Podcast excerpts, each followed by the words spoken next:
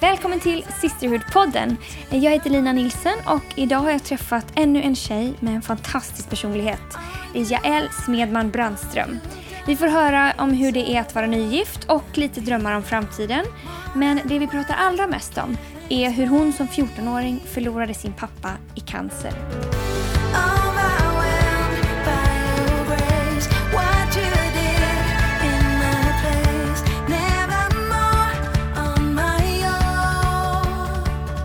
Välkommen till Jael Smedman Brandström. Sa jag rätt? Ja. Jag kände ju dig när du inte var gift, men eh, nu heter du så. Välkommen till Sisterpodden. Tack. Eh, var drog du ditt första andetag någonstans? I Göteborg på Östra sjukhus. Växte du upp i Göteborg sen? Ja, eller fram till jag var 12, 13. Ja. Eh, om du måste välja nu då mellan Stockholm eller västkusten, vad väljer du då? Oj, det är jättesvårt. Känns det som du så här förråder någon? Ja, men om lite- du väljer det ena eller det andra? det är, jag är ändå halvt liksom, uppvuxen i Göteborg, halvt uppvuxen i Stockholm. Men jag tror ändå att jag väljer Stockholm, faktiskt. Men jag är ju uppvuxen också på en ö i norra skärgården i Göteborg. Rörö, som jag... men Det, har all, det kommer alltid ha en plats i mitt hjärta. Mm. Eh, om du ska välja glass eller godis, väljer du då? Glass. Om ditt liv var ett musikstycke, hur skulle det låta? eller vad skulle det vara för, vad skulle det vara för musikgenre? Oj, jätteblandat, tror jag. Eh, för jag är lite rock'n'rollig och också soul. Men, det här vågar jag ju knappt säga, men jag gillar ju också musikal. Underbart!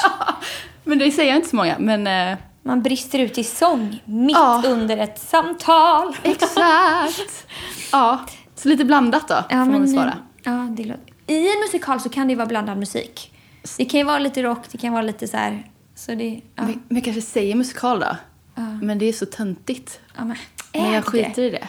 Men ibland får man äga sina töntiga Ja, sidor. då gör jag det. Ehm, vad gör du på dagarna? Just nu eh, har jag praktik på ett produktionsbolag. Eh, men jag pluggar annars, så jag pluggar tv-produktion. Vad gör du på produktionsbolaget? Jätteblandat. Eh, det är, eh, de gör mycket, mycket roliga saker. Så de har bland annat producerat Solsidan, Bonusfamiljen. Men min roll där är på utvecklingsavdelningen. Så vi utvecklar program. Så jag sitter och spånar varje dag om program.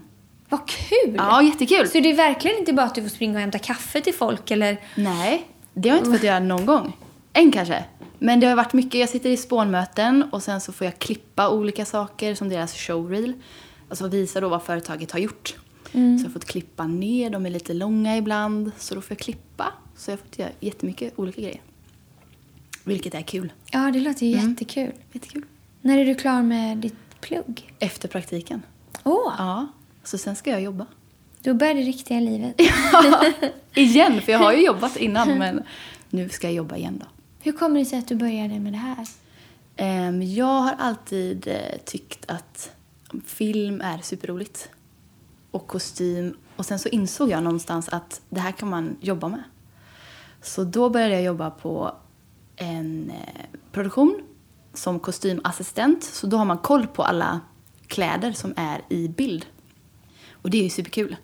Efter det så kände jag bara att jag tycker att alla funktioner är så roliga. Alltså både foto, klippning, alltså redigera, kostym, ja men allt. Och då kände jag bara att det här måste jag börja plugga.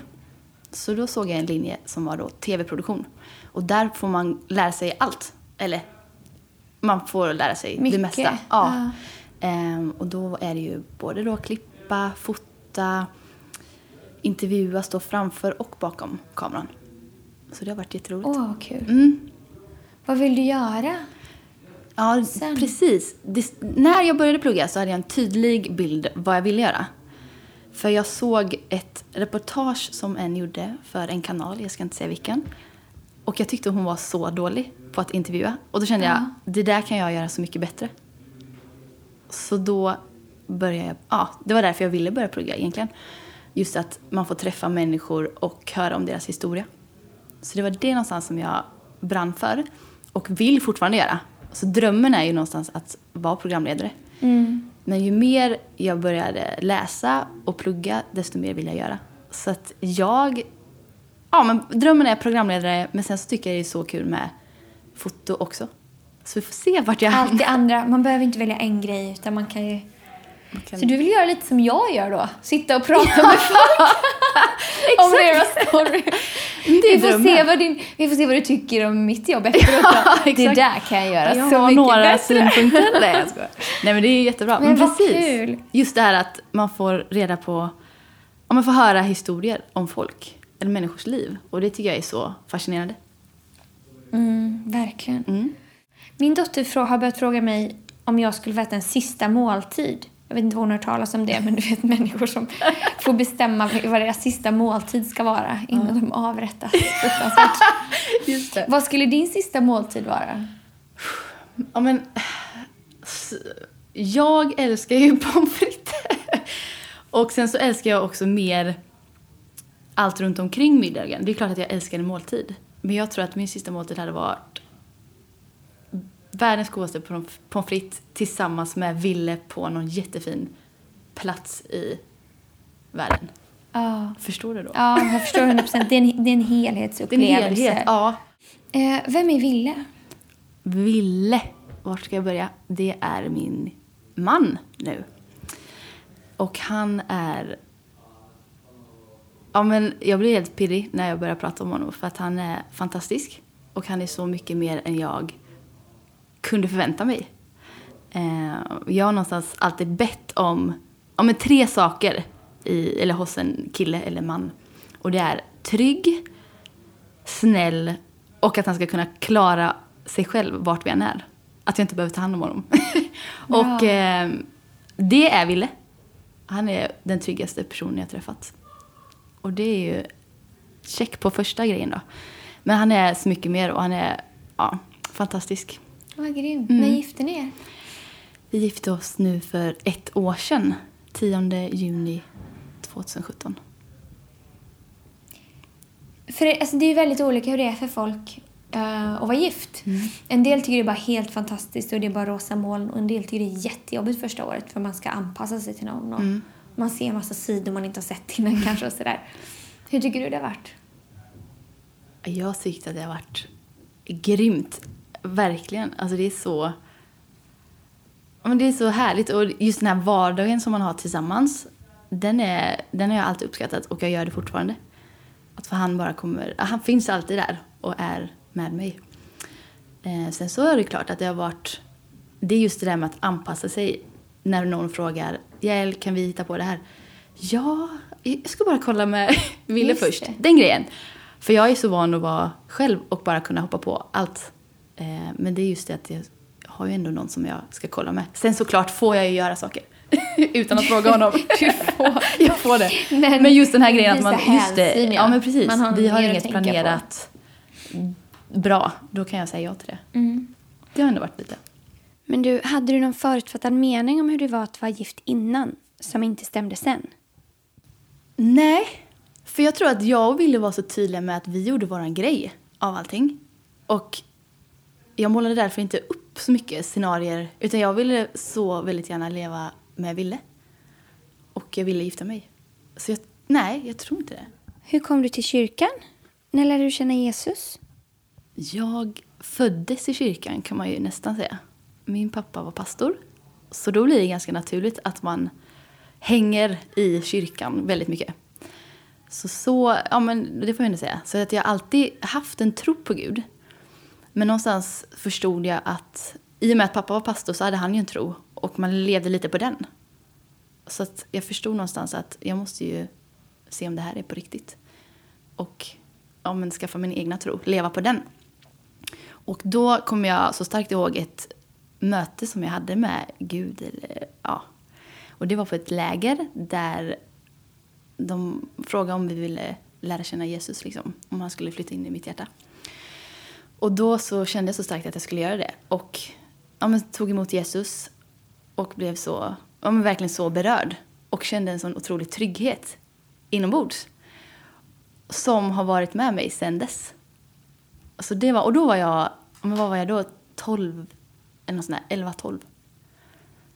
Och det var ja, men så fantastiskt, verkligen. Så din pappa var pastor. Eh, Hur ser din familj ut? Resten av familjen?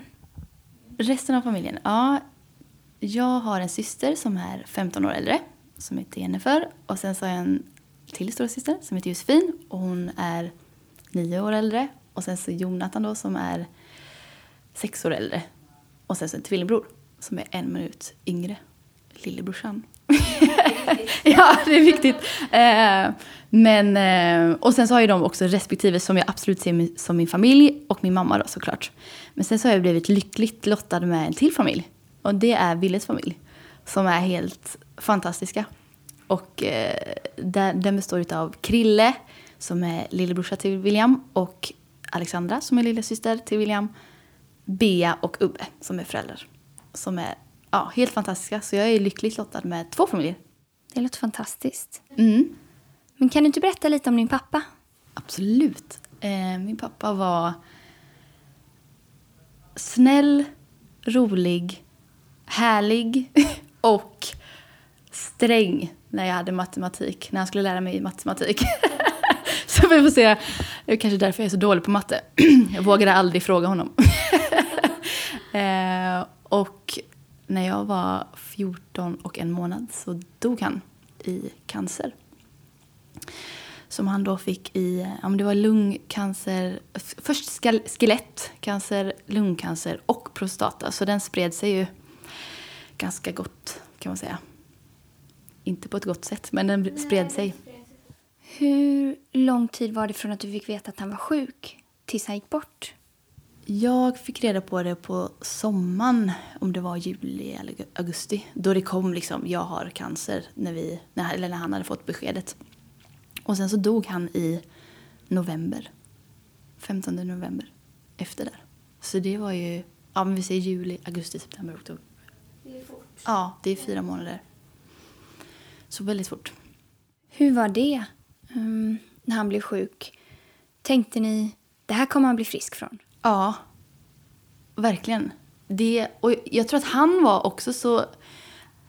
Hade sån tro att han skulle bli helad. Och det hade vi alla. Så vi stod, trodde stenhårt på det. Så det blev på något sätt, kan jag tycka då, en liten chock när han väl dog. Så bara, men han skulle ju bli helad. Eh, och det kan man ju tänka idag då, att man inte... Jag hade ju velat umgås med honom ännu mer om jag hade vetat det. Eh, men det blev lite som en chock faktiskt. Mm. Men hur var det då? Minns du den dagen? Ja, absolut. Eh, superkonstig var det. Eller, det var ju jättekonstigt verkligen. Man förstod för han blev sämre och sämre. Så någonstans så fattar man ju, men vi hade ju ändå tron in i det sista att han skulle bli helad. Eh, men jag minns det så starkt för vi satt eh, ja, på sjukhuset och min syster Josefin bodde eh, någonstans långt ner. Så hon hade precis kommit. Eh, så vi satt samlade runt liksom, sängen där han låg på sjukhuset. Och eh, hans andning blev bara tungare, eller tyngre och tyngre. Och till slut så... Det blev liksom uppehåll mellan, mellan, mellan varje andetag. Så det blev liksom... Och sen så började han andas. Och sen sista gången då så andades han inte igen. Och då hade han dött liksom. Så det var ju superstarkt och ja, det var... Eller starkt, det var ju jättesorgligt. Starkt på ett hemskt sätt såklart. Eh, och vi... Ja, men jag minns att vi var där som familj och alla... Vi hade varandra. Så det, blev ju, det var fint att vi var där samlade allihopa. Men det var absolut... Ja, det är ett minne man inte kan ta bort. Mycket tårar blev det efter. Och under tiden med. Pratade ni... Du sa att ni trodde, ni var så säkra på att han skulle bli helad, liksom att han skulle bli frisk. Men pratade du med din mamma eller så om vad händer om pappa dör? Eller vad? Nej, jag kan, jag kan inte minnas att vi hade ett sånt samtal. Faktiskt. Och det kan jag ändå tycka att vi borde haft. Faktiskt. Vad gjorde det med dig efteråt då? Ja, Men det svåra var nog att försöka... Ja, men, bara det här att folk visste ju om detta. Och säger kanske klumpiga saker För de inte vet vad de ska säga. Ehm, och det svåra var bara att hantera med det. Folk nästan. Det var det jobbiga nästan. Och eh, man själv fick nästan vara den som tröstade. För att visa, ja jag är ju mitt i det men jag måste ju fortsätta leva liksom. Eller man tar en dag i taget. Eh, Men verkligen så här, försöka trös- trösta andra som inte kunde förstå att jag som 14-åring hade, för- tapp, eller liksom, jag som 14-åring hade mist min pappa. Så det var inte bara så att du mist din pappa, du var tvungen att bära andras bekymmer och sorg över det. Ja, men lite. Och jag förstår verkligen den grejen också. För att sorg är supersvårt att hantera. Det är det. Och vi hanterar det så sjukt olika. Och just det här att... Jag vet väl själv om man har träffat någon som har förlorat någon. Man vet inte vad man ska säga. Det bästa tycker jag är att bara krama om personen. Och säga här finns jag om det är någonting. Så det har jag ju lärt mig jättemycket. Och jag tror verkligen att jag har blivit ja, men bättre på att hantera sorg i och med detta. Men sen så kommer sorg i olika former. Så det är jättesvårt att veta. Men eh, ja, hur det berörde mig, eller hur kände, liksom... Kunde du gå till skolan? Var du hemma? Ja, alltså jag har för mig att vi gick till skolan ganska snabbt efter. Vi var väl hemma någon vecka, sen så var det tillbaka till skolan. Visste de i klassen då typ Ja. att din pappa hade gått bort? Ja. Så du behövde inte komma och berätta det? Nej, de visste det. Så det behövde man inte säga. Eller ta upp heller. Det blev som att alla tassade lite. Det var väl någon som vågade säga. Eller krama om eller säga vi tänker på dig. Men det här, då var jag, jag gick i åttan eller nian. Man är liten då. Och det trodde jag inte. Eller nu har jag mer, när jag är äldre så förstår jag att jag var ung. Då fattade man inte riktigt Ja. att jag var så ung. Då var det så här. Då tycker man att man är stor och klarar allting. Ja, ja, ja. Absolut. Men det gjorde jag inte. Var det en stor begravning? Jättestor. Han var rätt känd va? Ja, om det var en frikyrkopastor. Nej, men i vissa kretsar. Ja, men exakt. Ja, ja men det var superstor. Eh, Jag tror det var, nu har inte jag exakt siffra, men det var väl 600 personer någonting på begravningen. Det är ganska mycket. Tyckte du det var häftigt och härligt? Eller kände du att, det, att du inte kunde, att du ville liksom hantera din egen sorg själv och vad gör alla de andra människorna här liksom? Nej, jag minns att jag var superledsen. Jag grät mest. Under hela. Och sen så blev jag så fascinerad av mina syskon som ändå kunde sjunga. Eller säga någonting. På begravningen. Ehm, Det kommer jag ihåg superstarkt. Att hur kan de ens stå där uppe och sjunga? Det är helt otroligt. Det minns jag. När man är 14, då är det så mycket som händer i livet. Jag tänker ens inre ändå. Men själv, man funderar på vem man är och, och vad man vill och allt möjligt. Hur var det för dig? Påverkade, påverkade, hur påverkade det dig att din pappa gick bort då? Jag tror att min mamma är väldigt cool. Och det tror jag är för att hon har också en så stark, eller ja men har en stark relation till Gud och har en så stark tro. Och är så här, ja men nu går vi vidare. Och jag tror att jag tog efter det också, att bara, ja ja, nu får vi försöka lösa det här och bara gå vidare. Eh, men samtidigt kan jag verkligen känna att jag hade velat prata med någon för vi fick inte prata. Jag tror att det är väldigt viktigt också att man får prata med någon. En terapeut eller... Eller jag tror att det kan vara skönt att prata av för man vet inte heller vad man ska känna och inte känna och vad som är okej och inte okej. Och det tror jag ändå är viktigt att ha någon som har pratat med tidigare fall. Eller liksom, tidigare personer som har gått igenom liknande situationer. Och vet att så här, ja, men det är helt normalt att känna ledsen eller känna så eller si eller så. Eh, Gjorde men- du det? Om jag gick till och pratade med Ja. någon? Nej, jag gjorde inte det. Och det är det jag kan känna idag då. Varför fick inte vi prata med någon? För man, när, när man har förlorat någon i så ung ålder, då ska man bli tilldelad någon som man pratar med. Och det är väl det enda som jag verkligen skulle vilja. Bara fått prata med någon om detta. Och om vad jag känner och inte känner. Ehm, Pratar du med din tvillingbror om det? Någonting? Ja, men lite. Men vi har också hanterat det på så olika vis. Så det har varit... Vi har inte pratat om det så mycket faktiskt. Det är klart att vi ofta pratar om att idag saknar jag pappa extra mycket. Men inte gått in liksom djupare på det. Vilket, ja, ja vi har inte gjort det. Eh, När din pappa hade gått bort, var du rädd att din mamma skulle gå bort också? Verkligen. Absolut. Eh, och det var ju inte bara mamma, utan det var alla runt omkring mig. Min familj. Jag var super... Eller superrädd är väl att säga, men jag var rädd att förlora någon mer i min närhet. För det är inte kul. Och det var jag verkligen rädd för. Absolut. Vad hade du mer som du brottades med? Typ, eh, var du arg på Gud eller var du besviken eller vad liksom... Nej, men jag har, all, jag har aldrig varit besviken på Gud eller arg, faktiskt. Eh, för att vissa saker kommer man inte förstå, få svar på.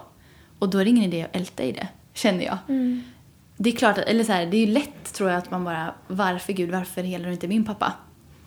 Men om jag skulle gå runt och tänka på det hela tiden, då hade det inte gått. Så jag har bara försökt släppa det och ja, det är som det är. Och jag kommer få ett svar någon gång. Men det är ingen idé att jag ältar i det. Har det påverkat din tro någonting? Nej. Jag har, nej, jag tycker inte det. Och jag tror också att det har visat på att mamma har varit så stark i sin tro och fortfarande tror.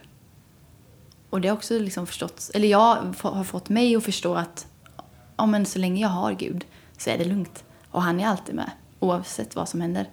Vissa saker kan jag bara inte få svar på. Men jag har verkligen alltid haft en tro och aldrig varit besviken på Gud i när saker händer eller när saker kommer emot mig. Utan verkligen bara... Det är ju mer att man då förlitar sig på Gud. Okej, nu händer det här, nu måste du hjälpa mig. Du måste finnas här ännu mer än vad du har varit innan. Liksom. Hur, eh, vid vilka tillfällen saknar man sin pappa?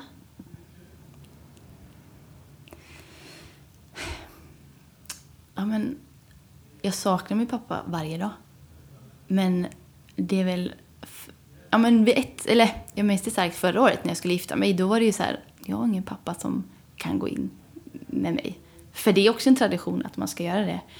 Eh, Men samt, och det hade jag ju verkligen velat om han, om han fanns. Men eh, jag gick in själv. Vilket... Nej, jag gick, jag gick inte in själv. du har glömt bort det. Jag gick in med Ville. Ja, vi gick in tillsammans. Så var det ju. Och det kändes ju väldigt bra att gå in med honom. Ja. Eh, och sen så är det väl klassisk så här fars dag. Ja, det, ja, det här hade jag kunnat köpa till pappa idag. För idag är det fars dag. Eh, men sådana tankar verkligen. Och sen så kommer det ju, ja, man saknar honom varje dag. Men sen så främst då fars dag, bröllopet och sen så vissa tillfällen där man bara så här, åh, idag saknar jag pappa. Och likadant ibland när jag ser Jonathan, min bror, min äldre bror. När jag ser honom, för han sjunger lovsång mycket i kyrkan. Och när jag ser honom, det blir väldigt starkt. För att min pappa brann så otroligt mycket för människor och brann för Jesus och att folk skulle få lära känna honom. Och det kan jag se hos Jonathan. Så där blir det verkligen en likhet mellan dem som är super, ja men så stark tycker jag. Och det gör ju också att tron blir ännu starkare för mig. För att se att, ja men jag tycker det är superfint verkligen att se deras likhet i, på, den, på den fronten. Som gör också att det påverkar mig väldigt, ja väldigt fint på något sätt. Om du förstår. Ja, absolut. Finns det saker som du känner att du är lik din pappa i? Jag tror, eller ja, det kreativa. Han var väldigt kreativ. Väldigt duktig på att rita. Det är jag dock inte.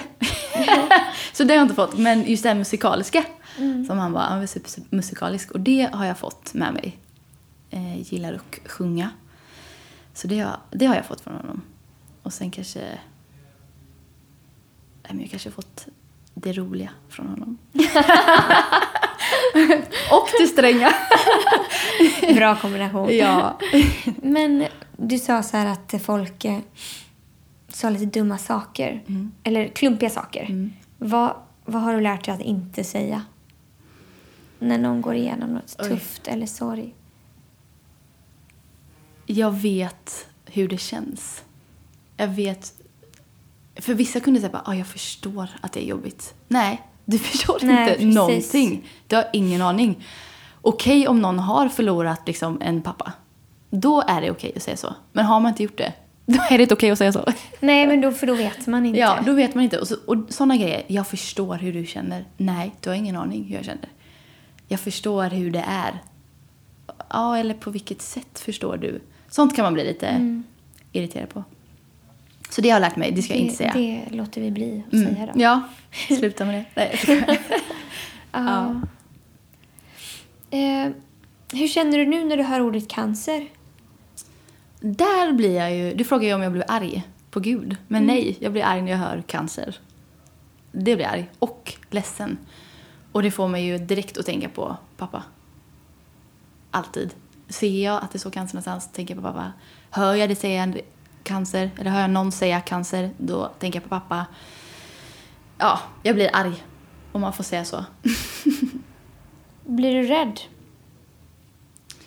Om jag hör det, Ja, eller om du känner någon som får cancer? Ja, det får jag nog säga. Jag blir rädd av att om folk i deras närhet ska få känna... Och för, för mig var det ändå, jag kan minnas att jag var hemma och vaknade mitt i natten av att pappa gick runt bara i lägenheten. Jag hörde han gå och be. För att han hade sån otrolig smärta. Och den grejen blev jag rädd över att någon annan skulle behöva känna. Alltså man så här, han har så ont nu att han bara, han kan inte sova för han har så ont. Så han går upp och ber så starkt till Gud. Av liksom, ja men mer, jag vet inte om det var frustration i att han verkligen ville bli frisk och inte ville känna det här. Såklart måste det ju varit det. Eh, Men just den, just vad folk får vara med om också runt omkring. För jag vet ju att pappa är på en bra plats. Han har det ju bäst av oss alla. Och det har någonstans och det har varit en trygghet. Att veta att han är i himlen och har det hur bra som helst. Det är mer jobbigt för oss här nere. Precis. Ni som får... Men det har ändå varit en trygghet att veta att men pappa har det ju bra. Det är bara det är vi som får ta hand om varandra Mm. när vi gråter. Ja. Vad har Jesus gjort för dig? Oj, ja men så mycket. Och det främst skulle jag verkligen vilja säga den här tryggheten. Det som... Du vet när man är på en fest eller kalas eller vad som helst och man har med sig sin bästa kompis och man vet så här, säger jag något roligt då vet jag att hon eller han kommer skratta skitmycket. Precis. Mm. Så känns det som att livet med Jesus, att man alltid har med honom. Man vet att man alltid är trygg och oavsett vad jag gör så är han alltid med. Och han kommer alltid skratta åt mig. Förstår du? 100 procent. Och just den tryggheten, den vill jag verkligen... Ja, det, det har betytt jättemycket för mig. Mm. Känna sig trygg. För jag vet att Jesus är med mig. Vad drömmer du om nu? Nu drömmer jag om att... Det finns många drömmar jag har. Men jag drömmer någonstans att... I sommar så drömmer jag om att få åka runt i Europa med Ville och surfa och spela golf. Ska ni göra det? Ja, vi hoppas det. Så drö- vi drömmer om att vi ska göra det. Och sen så drömmer jag om att få vara ja, men en person som folk känner sig trygg med. Som folk kan vara sig själv med i alla lägen. Och jag drömmer också om att vara någon som gör saker och inte bara säger att de ska göra saker. Jag drömmer om att ja, men vara med och påverka. Ibland kan man vara irriter- irriterad över saker och då vill jag inte vara den som bara säger att jag är irriterad. Utan då vill jag vara med och påverka. Vara med och förändra. Om du förstår den, Absolut. den drömmen. Ja. Eller dem. Har du något favoritbibelord? Ja, nu handlar det väldigt mycket om min pappa här. Men eh, psalm 91. Nu ska inte jag dra hela. Men en gång när jag var riktigt nere och ledsen så sa min pappa läs den här psalmen. Och då gjorde jag det. Och den har följt mig någonstans hela livet. I att så här, ja men kontentan av den är någonstans att så länge du är med Gud så är du safe. När det kommer pilar mot dig, eller skit mot dig, så är Gud med dig. Du kan vara lugn. Så psalm 91, gå hem och läs den. Den är grym. Det ska jag göra. Mm. Tack för att du var med och pratade med mig idag. Tack för att jag fick vara med.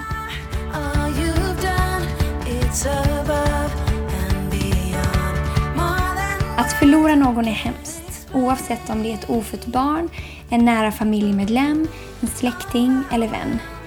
Och sorg kan vara svårt. Både för den som går igenom det och för den som ser på. Det kan vara svårt att veta vad man ska tänka, säga eller göra. Och då är det fantastiskt att ha Gud.